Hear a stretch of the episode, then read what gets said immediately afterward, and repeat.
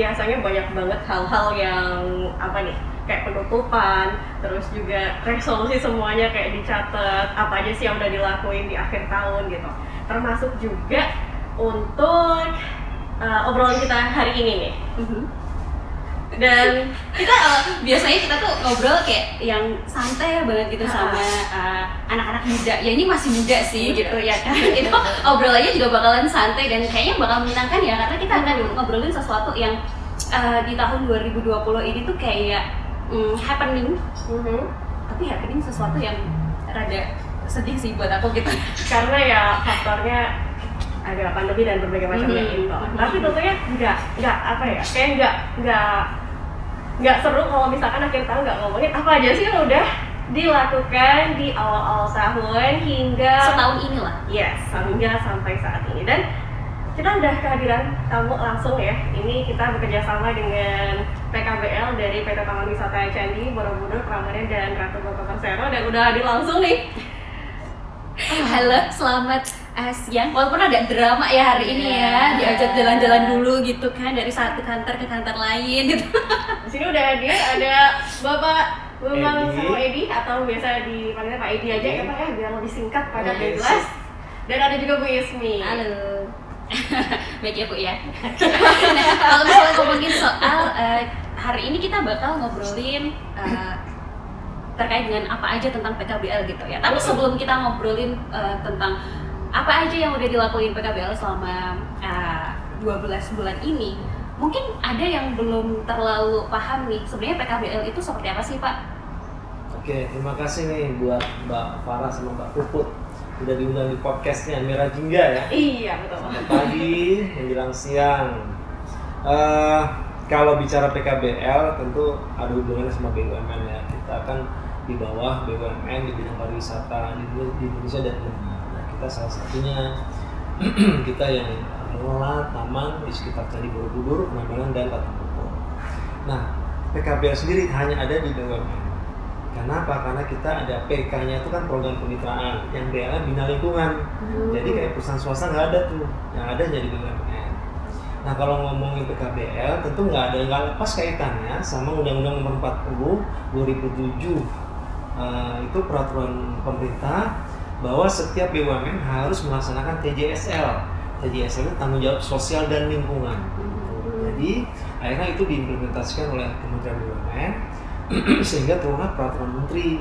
Peraturan menteri itu mewajibkan semua BUMN harus melaku- melakukan atau melaksanakan PKBL atau sekarang namanya TJSL. Oke, jadi sekarang sudah berjalan dengan TJSL ya. Baru baru tahu- baru dengar juga saya. Bedanya sama CSR gitu apa? Nah, CSR lebih ini ya. Jadi kalau misalnya PKBL atau TJSL itu kita ada ruang lingkup. Ruang lingkup itu tujuh sektor. Mana nih yang bisa kita kita eh, bantu gitu ya. Kalau PK itu sifatnya kita mem- memberikan pinjaman kepada eh, UMKM. UMKM bentuknya eh, apa namanya? yang non bankable. Jadi kalau misalnya UMKM itu kan kalau ngajuin kredit ke bank, biasanya syaratnya kan oh, banyak ya, rigid banget ya. Ada laporan keuangan, laporan keuangan benar dan raca lebih raba kan. Nah kalau di PK, di PKBL yang di bawah asuhan BUMN nggak perlu sampai laporan keuangan, tapi cukup dari berapa nih omsetnya per bulan, terus berapa jumlah kekayaan, kekayaan minimal uh, 500 juta, uh, mak- maksimalnya 500 gitu. Nah itu nanti kita kita survei, kita lihat, terus misalnya dia mau mengajukan berapa, oh 25 mengajukan, itu mikro ya, ada lagi yang ultra mikro di bawah 10, itu udah sebetulnya kategori mikro loh, 25 ke bawah itu. Nah, itu. Dan syaratnya nggak seperti bank, mudah sekali kalau untuk program PK ini, program kemitraan. Di samping itu ada BL, Bina Lingkungan. Jadi kita sifatnya memberikan bantuan atau hibah. Tapi memberikan bantuan hibah itu tidak sembarangan. Ada kita ruang untuk tujuh sektor. Sektornya masing-masing. Nanti ada ada Bu Ismi ya, biar Bu Ismi yang jelasin deh. Oke. Ada tujuh ini detailnya loh. Kalau saya cuma buka aja detailnya. Satu kesehatan. Nggak lepas dari kesehatan. Misalnya kita bantu mana nih Eh, puskesmas itu masuk di situ. Yang kedua pendidikan. Kita bantu pendidikan. Misalnya eh, kalau untuk balik di bidang infrastruktur, misalnya sudah ada sebuah SD atau SMP yang eh, mungkin dia bangunannya udah atau pagernya atau udah itu dia bisa mengajukan itu untuk yang pendidikan ya. Tapi itu sebetulnya kalau kita memberikan bantuan ke infrastruktur selesai, artinya kita berikan selesai. Hmm. Tapi kita kemudian mulai tahun 2018 kita udah program masuknya. Nanti biar dijelaskan Pak Ismi ya. Habis itu ada pelestarian alam. Nah, pelestarian alam itu seperti kemarin kita ada budidaya tanaman organik, itu masuk di situ ke sektornya pelestarian alam. Kemudian ada sarana prasarana umum. Jadi apa aja nih misalnya ya, kita ngasih pot misalnya gitu, ngasih pot di kantor kecamatan yang di trotoarnya itu masuk di situ tuh sarana prasarana umum. Kemudian ada bencana alam. Bencana alam kita kemarin nih erupsi ini nanti nanti nih kita mau ngasih ke ke mana eh, pengungsi erupsi erupsi. kita mau kasih itu terus ada eh, tadi udah ya pendidikan kesehatan kelestarian alam dan Sosial. sosial kemasyarakatan sosial kemasyarakatan sifatnya lebih luas ke mana pun bisa tuh mau masuk di apa coba nih Mbak Farah sama Mbak Putri sebutin nanti kita bisa masuk di situ kita ngasih bantuan sembako nah ini masuk di situ gitu. Kayak yang bangun rumah itu juga. nah ya? ah, rumah tidak layak huni ya. Layak huni itu yang apa kayaknya tuh memang ya benar-benar dibenerin banget karena Ya. lihat rumah yang udah kayak gitu dibenerin gitu ya. Tapi sebenarnya eh, visi misi utamanya apa sih Pak? Apakah eh, kalau tadi memberikan bantuan apakah eh, mengentaskan kemiskinan atau apa gitu? Memang sih sebetulnya kita BUMN itu eh, memberikan karena tadi ya TJSL PKB atau TJSL memang sudah harus dilakukan oleh BUMN karena di, kemudian di landasan hukumnya juga ada permen itu harus kita lakukan. Nah itu tujuan utamanya adalah pemberdayaan lingkungan. Jadi community development. Nah itu tujuan utamanya. Jadi ya kayak yang terutama diarahkan kepada eh, daerah yang di mana perusahaan itu atau BUMN itu beroperasi. Gitu. Jadi kita mengutamakan yang di masyarakat sekitar Prambanan, Borobudur atau Bogor. Dan lagi kalau BUMN lain ya seperti PLN ya itu lebih luas lagi dari Sabang sampai Merauke. Mana? Oke oke. Nah sejauh ini eh, di 2020 apakah memang program-program yang di eh, list sudah terlaksana semua atau gimana Pak? Mbak Ismi deh. Boleh. Boleh. Ya, Boleh, Mbak Di. Karena udah 12 bulan ya terhitung dari Januari, Januari, ya. eh, sampai sekarang ini Oke deh. 12 bulan Desember. Oke, terima kasih untuk yang program BL itu memang kita tahu sendiri ya, tahun ini kita dapat apa ya, hikmah ataupun pelajaran ataupun apa pandemi harus kita jalani. Jadi ya mau nggak mau ada beberapa program yang eh, harusnya terlaksana, namun harus eh, untuk penanggulangan pandemi COVID ini. Jadi memang bukan tidak terlaksana, tapi akan kita eh, alokasikan lebih eh, sesuai dengan arahan dari kementerian juga ya Pak Edi bahwa eh, anggaran di BL tahun ini eh, bisa dialokasikan untuk penanggulangan COVID. Jadi kita untuk COVID di awal tahun awal-awal tahun kita udah melaksanakan beberapa program yang tadi tujuh sektor yang disebutin Pak Edi. Terus kita juga ada program unggulan, terus selain eh, penanggulangan COVID. Jadi untuk tahun ini kita ada empat program unggulan. Yang pertama itu adalah eh, mahasiswa inovatif. Jadi itu masuk di sektor pendidikan. Jadi di program itu kita eh, mencari kandidat dari eh, perguruan tinggi negeri di Jogja. Kebetulan tahun ini eh, kita eh, dengan UNY sama UGM. Oke, jadi ada eh, entrepreneur-entrepreneur muda yang kita giring dari awal ya kandidat kita eh, kita seleksi bersama dengan kampus juga ada ahlinya. Akhirnya untuk yang UNY kita sudah bisa melonseng satu kafe, La Sophia Cafe. Jadi eh, benar-benar kita dampingi, kita kasih modal, kita ini loh usaha yang sebenarnya itu seperti ini dan itu harus sustain. Kamu harus nggak hanya harus punya kafe selesai gitu, tapi Iya, tetap ke ke depannya kan kita Keberlangsungan. keberlangsungannya akan kita eh, cek terus. Kita pantau sih. Untuk yang UGM itu a- kemarin ada itu ya Pak eh, ternak kelinci itu Minofarm namanya. Minofarm. Terus yang kedua eh, Limbah kayu itu. limbah kayu kerajinan. Kayak Jadi seni. kayak seni namanya. Jadi kayu-kayu yang sudah eh, nggak terpakai itu mereka bubut kembali, mereka lukis, mereka itu akan menjadi sebuah yang bermanfaat. Ada pot, ada alat dapur ada pokoknya banyak jadi tiga tiga uh, pengusaha-pengusaha muda dari universitas itu udah kita tentukan di UNY dan UGM terus program unggulan yang kedua adalah e-balita. Jadi ini masuk ke sektor kesehatan. Jadi kita uh, di tahun 2012 kita sudah mendampingi beberapa posyandu di desa Maturja ya. Di situ jadi kita uh, penanggulangan gizi buruk balita yang tujuannya untuk penanggulangan stunting stunting yang merupakan problematika negara ya dan Masih ya, ya, Indonesia. Sekarang. dan kebetulan di Prambanan juga ada. Jadi kita mencari itu berdasarkan uh, data dari Puskesmas juga. Kita kerjasama dengan Prodiksi UGM dan di tahun 2019 kita berhasil untuk menyusun modul. Jadi kita me- menciptakan menyusun aplikasi secara online bahwa data bayi bayi tersebut masuk dan nanti akan sebagai acuan kita untuk mendampingi salah satu wilayah yang uh, stuntingnya angka stuntingnya itu masih ada.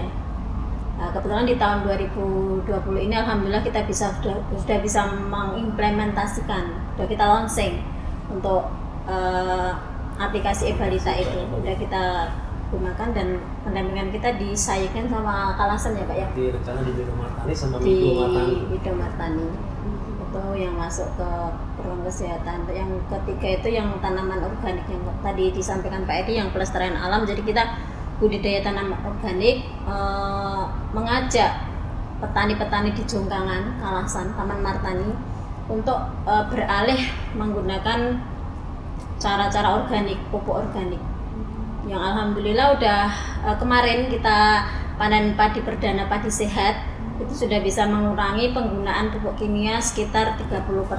Wow. Nah, jadi mereka Besar sudah berhasil, ya. udah panen, udah jadi benar-benar dari assessment bahwa ini loh tanahmu ini udah udah kayak muka ya udah kena merkuri merkuri yang banyak itu. Jadi itu tanahnya itu sudah kebal itu. Di treatment, didampingin cara bikin pupuk organiknya seperti ini, treatment tanah biar subur seperti ini. Akhirnya bisa menanam sampai kemarin sudah dipanen. Biasa ya. Ah, jadi kita walaupun pandemi harus tetap jalan. Jalan terus ya. tapi dengan tetap prokes ya. Ya, prokes. masa pandemi pun kita jalan kita tetap masih tetap bantu. jalan. Ya, work from home kita juga Ya. tetap koordinasi via itu. Dengan izin manajemen juga akan kita serahkan. Apalagi kan kita nggak bisa diem ya maksudnya selagi itu masih bisa kita lakukan ya dan yang sebetulnya ingat gak waktu bulan Maret kita pertama kali ngasih ngasih sosialisasi di Borobudur? Itu baru dua yang yang terkena uh, positif kok. Pemerintah Maret itu. Kita udah ya sosialisasi. awal ya awal itu kita sudah kerjasama sama Kesmas sama itu ya pak masyarakat pemang- pelaku wisata. Karena udah enam ribu. Iya. Jadi Wow. Alhamdulillah untuk program unggulan kami di 2020 ini eh, berjalan semua. Jadi sudah di akhir tahun ini sudah kita laksanakan semua. Dan program-program di selain itu juga beberapa yang kita lakukan eh, termasuk hari ini kita masih juga akan eh, mengunjungi barak penampungan erupsi yang di sana masih memerlukan alat-alat masak informasi yang kita dapat survei yang kita eh, dapatkan dari satgas-satgas itu. Terus eh, RTLH yang seperti Mbak Farah sampaikan tadi itu kita ada beberapa titik juga kemarin juga pernah eh, kita lakukan groundbreaking peletakan batu pertama empat titik di Gunung Kidul. Jadi benar-benar kita roadshow sehari itu sekali menyerahkan Menyerahkan wastafel wastafel. portable yang ke pelosok-pelosok ternyata mereka memang belum ada fasilitas yang memadai. Jadi memang benar-benar kita jemput bola, Iya. kita menyampaikan itu ya semoga apa ya yang sedikit ini bisa membantu lah ya seperti itu. Jadi masih banyak sih programnya yang harus diceritain nanti panjang banget. Mbak Mbak. Jingga, Mbak sama Mbak Merah. Mbak, Merah dan Mbak Jingga tanya aja sih apa kira-kira yang Tapi yang menarik adalah bahwa program tadi yang disampaikan seperti hmm, pembuatan atau pendirian kafe itu memang nggak jadi udah ditinggal gitu ya bu ya. Jadi emang ada uh, maintenance, Iya. ada pembinaan kita sama- ada komunikasi grup ya grup Uh, begitu ada masalah ataupun ada update-update kita ngikutin Instagramnya. Jadi tetap komunikasi.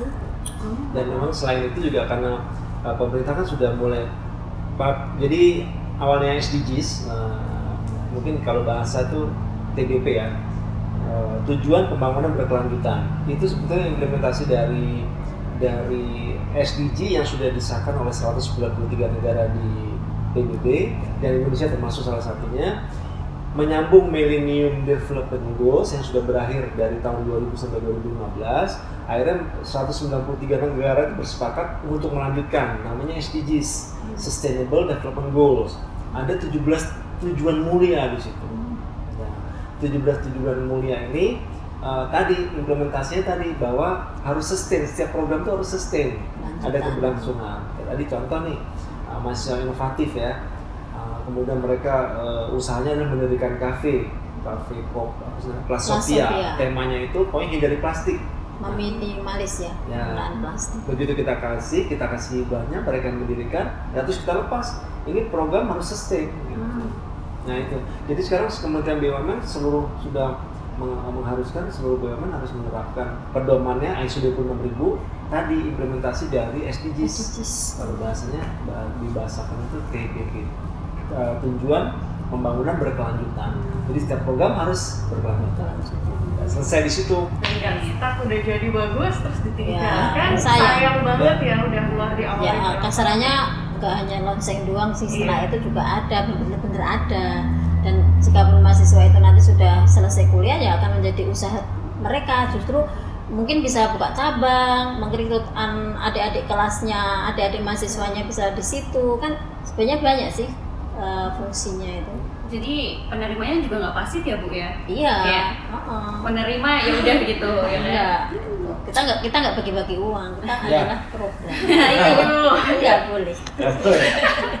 Nah, kayak kemarin kemarin budidaya taman organik ya, kan ada pemerintah desa Pakuan, sekarang namanya Pakuan. Paka, Pakanewon. Panawe, Pa- Papanewon. Iya, apa itu susah sekali. Papanewon itu adalah kecamatan. Hmm. baru ya Kalau camatnya adalah Panewon. Panewon. Itu kita, Panewu. Pa- oh Panewu. Mohon Ya, maaf ya.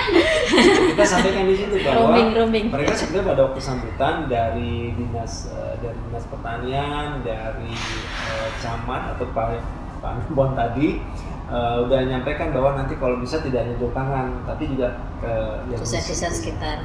Cuman ya kita sampaikan bahwa kita memulai Nah, Bapak Ibu kita memulai. Nanti selanjutnya ya monggo dari dari pemerintah desa juga kita sampaikan. Jadi tadi yang jelas yang jelas tetap sustain, tetap Iya. berlangsung. Panewu juga sudah menyebutkan bahwa di tahun 2021 anggaran untuk eh, organik itu mau dimasukin. Kemarin yang disampaikan tertariknya itu Pak. Oh iya. Uh, bahwa uh, nantinya akan BUMDes yang akan uh, membantu tentang pemasarannya. Jadi benar-benar petani menanam dan ada akses untuk penjualannya. Dan itu didukung nggak- oleh pemerintah daerah Ya. uh, sekitar. Jadi cuman nggak sekitar situ aja kan Mbak Is? Iya, ada, berkembang. Ada itu pembuatan PCO. Cairan organik. Oh, apa sih? pupuk- Pupuk pupuk iya, cair pupuk. organik. Nah, Karena di situ ada beberapa uh, peternak sapi, jadi di situ bisa dimanfaatkan. langsung lah ya udah Uh, pokoknya nggak ada yang terbuang Iya. lah pokoknya ternyata semua itu bisa dimanfaatkan kalau kita bisa mengolahnya dan berarti bisa mengolah harusnya belajar gitu kan berarti Tapi pernah nggak bu dari PKBL sudah eh, memberikan apa pembinaan bantuan, tapi ada yang rada nakal gitu, kayak kok nggak jalan nih dari sananya gitu. padahal udah digenjot terus ibaratnya Iya, kayak udah di Ya, oh iya, gitu, ya kan? itu dia guys. Monggo. namanya segala sesuatu nggak ada yang sempurna ya. Iya. Kita idealnya kan pengennya bagus ya, sustain. Tapi ya itu tadi ada aja sih satu dua ada. kembali Ya. ke humannya juga sih. Bagaimana kita mengupdate-nya bagaimana kita mendampingi kalau memang uh, keinginan itu nggak muncul dari pribadi yang disampaikan akan berat sekali. Ya ada sih cuma selama ini masih bisa kita akomodir juga. Jadi nggak nggak nggak terus mangkrak. Ada sisi lain yang bisa dikembangin lah sebenarnya. Kan gak enak banget ya berarti udah dikasih bantuan. Iya. malah gak dimanfaatin ke kelanjutannya sayang aja. Iya betul. Ya contoh masker kan masker yang kecil ya kita bagi-bagi masker di eh, pasar Di nih, pasar Kalasan, pasar ya kita ada, ada tujuh pasar ya pak ya kita roadshow waktu itu kita bawa Anoman kan icon kita Anoman Oh, jadi iya, dia iya. bisa menarik Iya, gitu iya, iya. kita panggil juga dengan TVC Media kok waktu itu. ada di Oh. beritanya TV media Iya. lihat. Jadi bagaimanapun upaya kita ya bahwa ini loh masker ini perlu gitu itu kan nggak semua orang juga udah paham kan jadi itu pun yang tadi ada yang Oh. protes kenapa kok kecil? gitu. Aduh. tutupin sampai ujung gitu nggak ya. anu standar itu Iya, ya namanya iya. juga orang ya. Lima ribu itu lima ribu masker. Kalau tambahin pak sepuluh ribu pak sepuluh ribu. Sorry, aku lumayan juga ya. dan ini Iya. pak ini mana mana? Eh, pengkios pedagang pengkios tuh kita kasih perambanan kasih buru-buru kasih. Mereka senang. Ya kita memperhatikan pusat-pusat keramaian juga. Pusat-pusat keramaian tagline kita kan untuk peduli untuk berbagi Wah, itu. Di, di ini dia. bener bener bener terus selain eh, misalnya ada yang nakal atau apa biasanya kendala dari PKBL sendiri untuk eh, penanganan ini apa sih pak? ya kita tetap ini ya kita dengan bijak aja lah kalau memang kita memberikan atau mengimplementasi- mengimplementasikan suatu program ternyata di depan ya hangat-hangat buku ya gitu wah ya, ya tapi begitu ntar udah kita kasih eh, kemudian dalam perjalanannya mereka kendor gitu. Biasanya karena ketidaksolidan di dalam. Ketidaksolidan aja ya saya nggak sebutin sebuah desa di sebelah sana ada deh kita kasih. Eh, bagus ya awal-awalnya. Seperti waktu itu ada program bagus eh, optimalisasi lahan pekarangan. Jadi program itu waktu itu masih pada waktu sebelum era yang menteri yang sekarang itu eh, ada program itu. Nah, itu kita ambil ambil satu dusun di sana tuh. Eh, kita panggilin narasumber dari Popeng yang ngerti tentang ah, apa namanya pertanian ya. Bercocok tanam dan sebagainya sampai pembuatan pupuk kok. Tapi kemudian setelah itu kan kita harapannya goalsnya itu ibu-ibu ini e, memberdayakan ini lahan pekarangannya. Ditanami tanaman yang bisa menghasilkan contoh kangkung sawi gitu maksudnya. Tapi nggak jalan ya seperti itu akhirnya ya kita mensikapinya gimana ya Pak Isa ya lego ya gimana ya Eh, lebih Karena itu dari sananya sendiri yang emang udah susah ya. ya tapi sebetulnya lebih mengena kalau datangnya dari mereka ya ya Itu- mereka itu sudah susah. ingin mereka pilih maju, pilih keinginan. berkembang, ketemu kita, cocok. mesti jadinya Kriteria kriterianya apa sih Pak biar eh, bisa dapat bantuan gitu dari PKBL sendiri? Ah, tergantung sih kalau tadi merah jingga ini maunya apa dulu, mau renovasi Eh, masjid. Oke, misalkan Gitu. renovasi masjid terus kayak ah, apa aja sih yang dikriteriakan gitu? Kalau misalkan eh, masjid itu tuh butuh bantuan gitu Hmm. untuk direnovasi atau gimana? Ya, tergantung ya, Iya. tergantung kebutuhannya misalnya. Nah, mereka mengajukan terus kan kita ada tim survei untuk men- untuk me- oke. mencocokkan antara proposal sama kenyataan di lapangan ini benar-benar diperlukan nggak sih terus Takutnya ini proposalnya bohong ya. ah, seperti Ya. apa itu tetap tim survei yang akan. Oh, Biasanya sih mereka misalnya udah bangun ya, bangun, bangun uh, apa, Iya. renovasi masjid atau musola, nanti kekurangan di tempat wudhu. Hmm. Nah mereka minta bantuan. Oh. Tempat wudhunya kita cek ya, oh Iya. emang nggak ada. dan sekali lagi kita nggak nggak ngasih uang kita ngasih apa yang mereka perlukan material ya akan kita kirim akan kita itu jadi benar-benar uh, mendidik mereka bahwa ya ini bantuan kita adalah material berupa bukan bukan dana langsung yang dibutuhkan Ah, apa ah. itu yang datang Iya. gitu ya.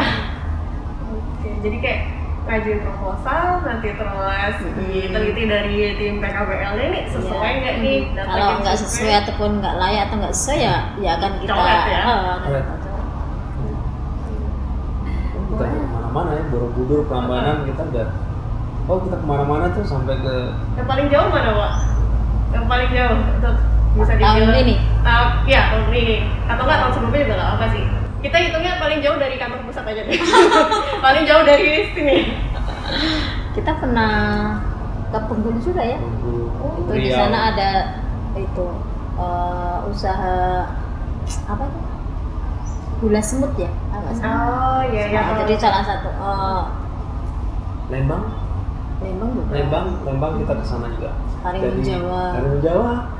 Nah, Karimun Jawa.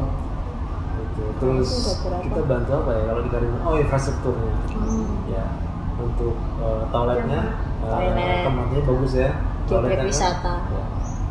sama ada salah satu SMK yang memerlukan musola jadi selama ini mereka sholatnya di salah satu ruangan kelas jadi memang dari itu belum ada itu kebetulan bukan negeri ya pak ya Gimana? eh negeri ya SMA, SMK negeri satu SMK negeri satu. kita buat Jawa. musola di. Wah seru itu. Pada waktu peletakan peletakan batu pertama kita disalawatin ya. Oh, Waduh. Masya Allah. adem Berarti emang benar-benar dibutuhin banget itu. Wah benar-benar jadi sekarang. Udah jadi. sudah Jadi. sudah jadi Ayo kita ke Karimun Jawa. ya bisa mampir ke musolanya itu ya Semoga memang dimanfaatkan dengan baik ya. Dan Ya. semoga dirawat dengan baik Ya. sampai yang Ya. sekarang ya Bu ya. ya Dulu jadi setelah itu kita juga tetap jadi mau kayak mempunyai anu ya networking saudara yang akan selalu menginfo akan menjadi iya komunikasi walaupun mereka sudah dapat bantuan terus selesai itu enggak. Kadang mengupdate ini loh bu yang kemarin gini gini justru bakal kita misal kalau share tentang kegiatan PKB kapan dong tempat kita? Gini gini jadi ada sebuah hubungan yang baik akhirnya. Dan tadi kalau misalnya di awal disebut bahwa di 2020 ini budget atau anggaran lebih banyak ke COVID begitu ya Pak ya? Enggak juga, tapi kita alokasikan tambah alokasi. Hmm. Setelah turun surat edaran dari kementerian bahwa eh, dana BL bisa dipergunakan untuk percepatan penanganan Penanggulangan. COVID-19. Oke. Jadi akhirnya kita switching, kita rebudgeting lagi, switching Iya. lagi penambahan. Dan memang harus begitu. Jadi kita menambah lagi. Itu mempengaruhi untuk uh, program di tempat-tempat lain nggak Pak? Enggak, terus Enggak sedikit juga. program semua eh, mungkin terlaksanya semua sih bisa semua. ya bisa mungkin kita- harusnya empat menjadi tiga Iya. gitu tapi nggak nggak mempengaruhi secara kebetulan kan kita juga ada satgasnya yang penanggulangan covid kan yang di internal TWC juga terus TWC juga ditunjuk sebagai koordinator di wilayah eh, DIY jadi benar-benar dana itu kita manfaatkan di situ ya, termasuk ambulan itu. baik internal atau di anu, ya kita juga bantu satu unit ambulans. Ke Satgas DIY terus eh, infrastruktur di rumah sakit Harjolo Kito jadi waktu awal-awal itu sekat-sekat untuk eh, penderita covid itu kan masih los gitu ya terus kita bikinin sekat atas permintaan mereka juga karena memang waktu itu eh, menjadi salah satu tujuan juga ya Pak Juga. yang di Harjolo Kito itu Terus sakit tentara? Oh ya itu Magelang? kita kasih suplemen untuk tenaga medisnya.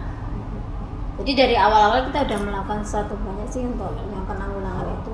Awal-awal Sembako-sembako yang kita ke itu yang memerlukan terus wastafel portable eh, sarana prasarana non medis ya kayak sarung tangan dan sebagainya itu kita sampaikan. banyak banyak banget.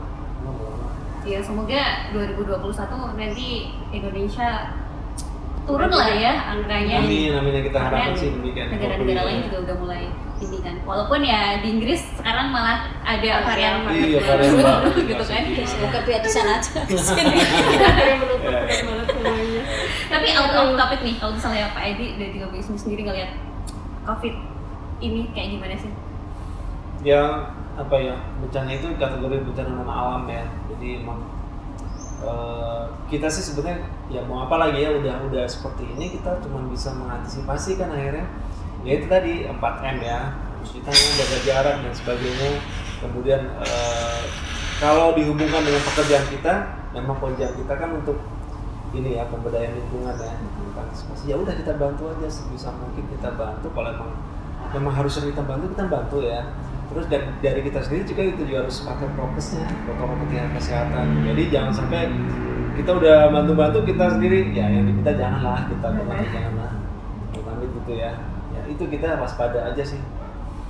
Eh, tapi ada nilai ini ya. Jadi dengan adanya pandemi ini sebetulnya seperti kayak apa ya kayak apa ya Eh, ya kita jadi rajin cuci tangan gitulah. Contohnya ada hikmahnya di balik itu Jadi ya. lebih jaga kebersihan. Ada yang baru lah ini normal. Jadi kita akan lebih empati pada diri sendiri kan. Hmm. Eh, dari diri sendiri dari kita lah untuk menjaga yang lain. Jadi lebih apa ya? Lebih safe lebih. Ya hikmahnya banyak betul dari dari pandemi ini hikmahnya banyak. Ya, kadang ya was-was juga sih. Iya sih, kayak setiap kita buka pintu rumah Iya. keluar tuh kayak aduh deg-degan Parno, banget gitu. apalagi eh, seorang ibu seperti saya ya wanti-wantinya banyak yang nggak tahu ya ini Iya. nanti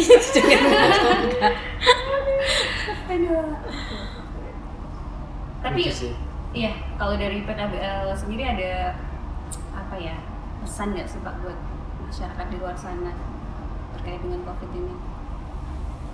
Oh sebetulnya dengan kita udah melakukan banyak hal, kalau pesen banyak pesennya, cuman yang penting waspada aja sebetulnya waspada terus menjaga prokesnya itu yang paling penting sih. Mau gimana kita nggak bisa, Iya. mau gimana nggak bisa ini di lain nggak bisa paling kita mau va- vaksin kan, Mm-mm. alhamdulillah vaksin gratis kan, Iya. atau mungkin tahun depan lah ya.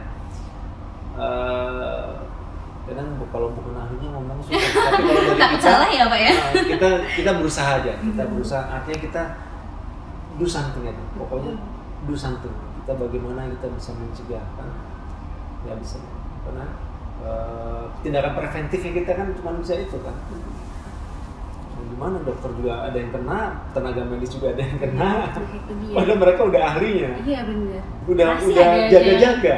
Bandel gitu ya ke mana-mana Iya. liburan gitu. Eh, kadang kalau kita kasih bantuan kita kita bilang tolong prokesnya dijaga. Jadi mereka udah siap. Gitu. ini kemarin nih waktu kita ngasih bantuan musik gamelan selendro. Laras selendro. Itu itu kelanjutan tuh dari yang sebelumnya kita kasih bantuan dari pihak sana penerima manfaat juga langsung ngatur oh duduknya jaga jarak gitu jauh-jauhan Wih nggak jauh banget sih itu kayak di sawah nggak nggak sampai seperti itu Oke. Berubah kayak ini apa? masker pasti Sebentar kayaknya udah mulai kering ya. Ada yang lupa di sini? Oke. Nah di endorse nggak? Tidak, tidak di endorse. Boleh. Ada. Apa gitu? Monggo Bu. Mestinya Mira Jingga. Oh iya. Diganti Mira Jingga. Bikin ini Oh, pesan aja pakai stiker. sponsor. Selesai. Monggo mau minum. Iya. Podcast pertamanya siapa? Aduh udah lama banget ya.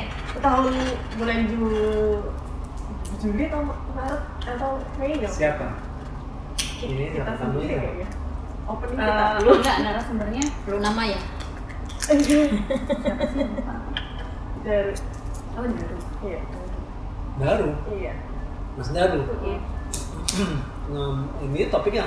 Edit ini Amer eh, sebagai seorang Karena dia bergelut Editor. di bidang desain desain yang zaman sekarang tuh eh, ibaratnya Desain desain itu kan mahal kadang- banget ya Pak ya. kadang harga teman, kadang harga ini gitu. Jadi ngobrolin ke arah sana. oh Ya, ya, bagus juga sih. Nah ini mumpung ada eh, kita nih TJSL aja. Foto nanti dari hmm, apa netizen yang melihat untuk timbul inspirasi karena kita nggak ngerti kok. Iya loh, nggak ngerti. kok. Yang lain nggak? Mira juga yang lain apa? Sampai mana tadi ya saya? Jangan-jangan nanti Sampai pandemi. Edi gimana nih? Saya ada mau minta bantuan. Oh iya Iya, boleh. bener. Silakan hubungi ya.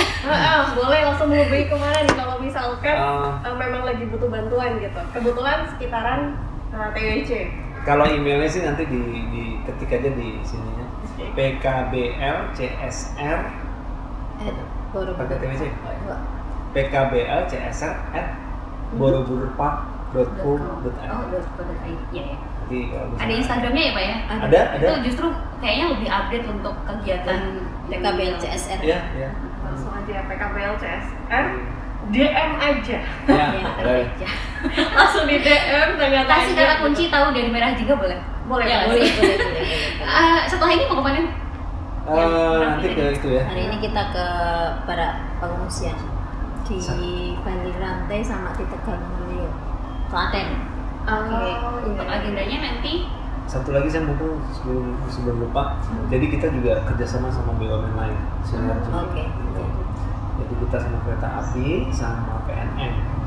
Eh, PNM itu modal ma- modal eh, nasional Mandi Madani madani. permodalan Permodalan nasional madani. Kita bantu mak- makanan hewan di kebun binatang Taman Satwa Juruk Solo.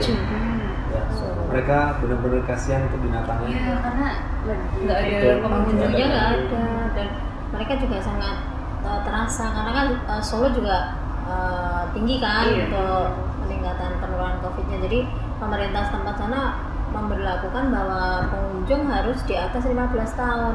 Padahal pangsa pasarnya namanya Anak-anak. dan keluarga. Jadi mereka benar-benar sampai donasi, resell tiket. Jadi upayanya juga banyak sekali.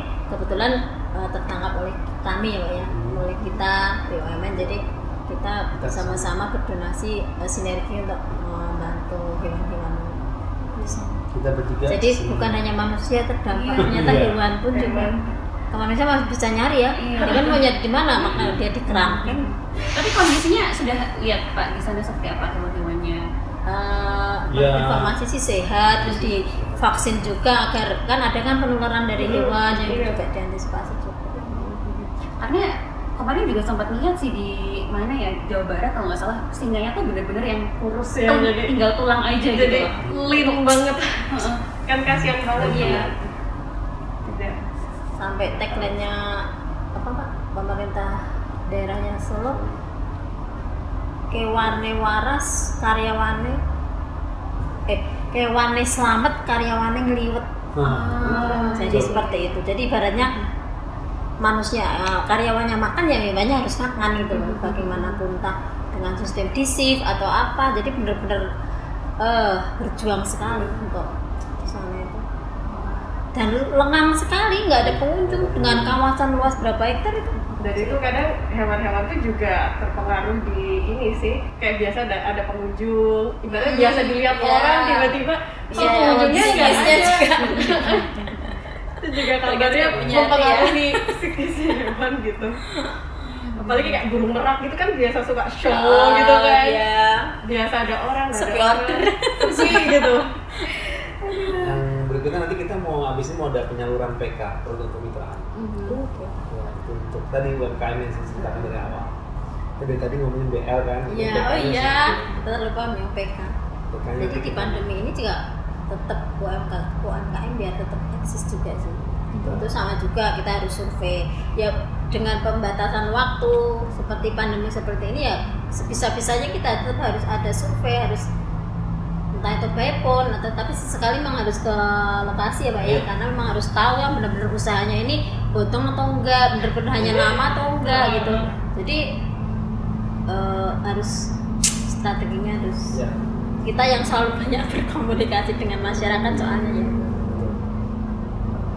terdampak loh UMKM itu dengan pandemi ini terdampak banget Iya pak, kan pemasukan orang yang mau beli udah berkurang. Iya. Gimana mau Nah. beli yang UMKM itu gitu? apalagi yang bukan kebutuhan pokok ya Iya bener. mending kita ny- uh, nyelamatin yang pokok-pokok dulu. Kasarnya seperti itu kecuali mereka yang berlebih. Nah, itu sih. Itu di mana yang berlebih. Oke. Oh, mungkin eh, apa ada lagi nggak yang mau ditanyain? Atau dari PKBL ada yang belum disampaikan? Monggo pak Edi mungkin untuk mungkin program di 2021 atau oh ya boleh ya bocorin gitu Boleh. bocorin banyak nggak kita apa-apa. mengintip pokoknya surprise itu 2021 Aduh surprise gak mau dibagi nih bu. ya mungkin pak diklik sedikit pak. Jadi dikasih sedikit ya. Iya. clue-nya aja ya. Oke. jadi kita yang pertama di sektor apa nih? Ke sektor eh, Sosial kemasyarakatan. sosial kemasyarakatan. Kita rencana mau ada sebuah kampung di mana kampung itu eh, mengakomodir kebutuhan anak. Anak-anak itu akan kita bukan dimanjakan tapi kita edukasi jadi nanti di kampung itu ada jam belajar khusus anak. Jadi anak-anak tuh kalau udah jam belajarnya jam 4 sampai jam 6 sore gitu udah nggak boleh ada kendaraan lewat nggak boleh ada suara kondisinya gitu. Dan non asap rokok di bagian rokok Gak ada penjual cilok lewat. Boleh bener-bener untuk anak gitu. nanti kita insya Allah kita setting ada di sebuah desa di sekitar Borobudur kita setting di situ kampung sebetulnya udah ada di desa lain udah ada diinisiasi oleh, oleh yang lain. Tapi kita masuk juga di situ. Gitu. Eh, ya apakah eh, kita tetap ini ya apa namanya mencoba untuk mempedulikan bagaimana. Juga kan mereka kan penerus ya. Nah kita dari awal nih dari awal. Nah masa pandemi gini mereka nggak nggak sekolah itu tadi kita coba di 2021 programnya adalah kampung ramah anak. Ah, itu penting juga sih. Tapi yang lebih penting juga itu berkaitan sama orang tua juga loh pak. oh Karena iya itu menyeluruh kalau misalnya Iya. kita mengedukasi anak aja, orang tuanya nggak Sama aja apa-apa gitu. Nah, Iya, aja gitu. kan harus harus saling mendukung kan seperti itu. Seperti contoh kemarin yang akselerasi prestasi siswa. Itu program kita di tahun 2018 itu juga uh, kita bantu pendampingan belajar buat anak-anak SD kelas 6 2019 juga ya Pak. Ah 2019 juga iya. Nah ternyata di program itu ada parenting jadi orang tuanya dipanggil juga. Nih loh nah ada gitu tuh ya, Iya. yang bener ya. Jadi jangan cuma satu pihak aja Iya. gitu ya kan. jadi total ya sekolah orang tua anak. Semua Sama. kita kumpulin. Seperti yang kamu ramah rencana ya orang tuanya kita panggil ini ada programnya ini gimana? Jadi total. Ya, pemerintah desanya dukunya harus semua sepakat warganya sepakat. Itu. Jadi apa ya sifatnya itu jadi holistik ya. Jadi nggak ada yang pars bukan parsial semua harus diikutin gitu. Kemarin kita lihat waktu lewat lewat mana sih mbak Is, di Sleman itu kok ada juga tuh. Nggak apa-apa sih justru itu kan program pemerintah makin Iya, kalau bagus Kenapa Kenapa tidak? bikin Iya. kembali? kan semakin banyak anak-anak yang teredukasi kan? Gadget yang menjadi primadona kan ya, mungkin akan kita alihkan ke permainan tradisional. Ya. di situ ada literasi terus menanam ini loh tanaman ini mungkin pohon-pohon kita kasih Ya. contoh biar anak-anak itu benar-benar tahu gitu loh Iya. kan Oke. sekarang main itu nggak ada guru main itu udah nggak. Mobile Legend ya Mobile Legends iya. Aduh kalau udah pegang HP gitu ya, kayak bisa dibanding. dunianya nggak bisa Sudah. di ini. Gitu. Oke, spoiler itu satu kampung ramah anak gitu ya. Ada lagi Ada nggak lagi ada ada Oke. mahasiswa inovatif yang sekarang Mhm. kita coba di tahun depan itu untuk siswa Oh, wow. Siswa kira-kira siswa ini bakal diajak untuk uh, berentrepreneur juga atau? ya penumbuhan mungkin lebih ke itu ya Kak, SMK kali ya? SMK Hmm. mereka ada SMA juga bisa karena ada satu contoh di Gunung Kidul SMA 1 Karangmonjo Mhm. ternyata murid-muridnya itu mampu membuat penganan penganan itu dari aduh apa mbak Is jati pohon daun jati jadi kayak dibikin keripik apa ya Hmm. SMA bukan SMK loh Wow. terus Ya. dari itu di, di halaman sekolah mereka banyak pohon mangga peloknya Pelok. isinya itu bisa jadi makanan Ah. kayak kue bawang itu panjang-panjang ya ya Wow. Luar biasa. ya nyangka kan di Gunung Kidul coba harusnya di Jogja dong ya mungkin karena keterbatasan ini ya dari bahan baku ya nggak ada pohon jati mungkin. gitu. jadi nanti ya bisa SMK bisa SMA kita kita nanti coba Ya, Siap-siap nih ya. Kita siap-. SMK. takutnya nanti berudak ya berudak Tapi ada syarat banyak pilihan, tertentu ada syarat ya berarti memang dibutuhkan pak. iya animo Iya, yang bener. mahasiswa inovatif ini juga banyak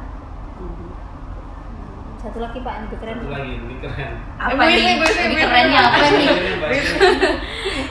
sebenarnya hidup itu sih ini uh, talent asah talenta asta Asta. Oke. coba tebak apa kira-kira Asta talenta. Ajang bakat. pencarian bakat kayaknya ya. ya kurang lebih seperti itu tapi ini khusus akan Oke. kita fokuskan karena uh, kembali ke SDGs tadi ya kita harus sustain keberlanjutan ada inline dengan bisnis perusahaan. Jadi nanti uh, yang akan kita ajang pencarian bakat itu untuk uh, anak-anak atau putri putra putrinya pedagang yang ada di Borobudur ataupun di Prambanan. Jadi ibunya bapaknya jualan di sini anaknya akan kita dampingi. Memunculkan bakat-bakat mereka Ah, gitu. bakatnya banyak tuh. Heeh. yang seni apa seni musik seni tari. Kita ambil seni musik dulu lah. Suatu saat mereka bisa bergabung lima orang satu nanti ah jajan di sini. Mereka bisa tampil di mana kan? Bisa gitu. Atau mungkin merah jingga mau ngasih. Yang lebih di Ah, 2021 coba kita pikirkan nanti ya. Berarti nanti untuk nah misalnya nih tadi dibilang seni musik gitu, apakah dari TWC membentuk apa ya eh, atau menghadirkan apa namanya Seniman. seniman ya gitu? karena kan kita bukan ahlinya Aha. kita kan taunya candi kan ya aman dan fasilitasnya ya Oke. untuk sebuah pendampingan itu memang harus harus bener-bener yang tahu ilmunya yang dia paham biar yang didampingi juga maksimal yang hasilnya juga akan optimal ya kita akan mencari pendamping mencari ahlinya ya misalnya Mira Jingga bisa gitar misalnya. Ya bisa dong Bisa. sharing gitu. Ah, oke. ya. Bisa? Nggak piano biola menarik banget ya Mhm. programnya. Itu unggulan ya. Oke unggulan. Terus di bawahnya ada reguler. Masih ada lagi Iya. ya. Ya tetap tujuh sektor tadi sih tetap akan kita. Ya Semoga mm-mm. kegiatannya yang di tahun 2021 nanti itu bisa berjalan dengan lancar Amin. terus ya dan semoga nih kan udah tanggal berapa sih 24 Desember ya Iya. udah tutup tahun tapi akhir tahun ini masih ada ibaratnya kayak gongnya gitu nggak untuk kegiatannya Kalau ini Ah. gongnya apa ya kalau untuk untuk peluncuran ya kemarin terakhir budidaya tanaman organik oh itu iya ada satu lagi apa? ah yang belum kita sebutin apa nih enggak. Di 2020 oh 2021 enggak Yang- 2020 tadi kan ada unggulan kan? Oh, iya, iya. satu lagi yang belum aku Adalah? pendampingan ibu rumah tangga. Oh iya. Oh. Jadi ibu-ibu yang uh, di rumah belum punya kesibukan yang hanya uh, bukan hanya ya uh, ngurusin rumah tangga anak kita dampingin akhirnya menjadi mempunyai keterampilan dan menghasilkan yang akan menjadi pemasukan untuk penambahan kesejahteraan keluarga. Nah, Kita ada dua penting. kelompok itu di Banyunibo Bogoharjo itu adalah sentra kuliner. Di sana ada memanfaatkan produk dari ketela. Di- Ketela bikin asam makanan. iya. Iya. Jadi di sana udah bisa donat, udah bisa uh, brownies lumer yang agak agak agak ngehit kan. ini yang panjang tuh apa Uh, gulung, roll Bolu. roll roll cake, Roll cake. Ah, roll cake ya. pan, terus tart kue tart uh, frozen ketela ini. Nah, untuk terus- pemasarannya terus- bu dia Offline. dari enam bulan pendampingan sekarang udah bisa go food udah bisa luar Wow. biasa. Ya. jadi total jadi dari eh, pendampingan bikin keterampilannya pembukuannya marketingnya sampai mereka sudah eksis. Tapi hikmah dari pandemi ini juga banyak yang seperti itu Iya, gitu ya? iya. kayak tiba-tiba antara kepepet ya kan? Oh. langsung the power of kepepet. Iya orang Indonesia kayak gitu ya sukanya. Karena satu lagi yang di Borobudur itu ada kerajinan pandan.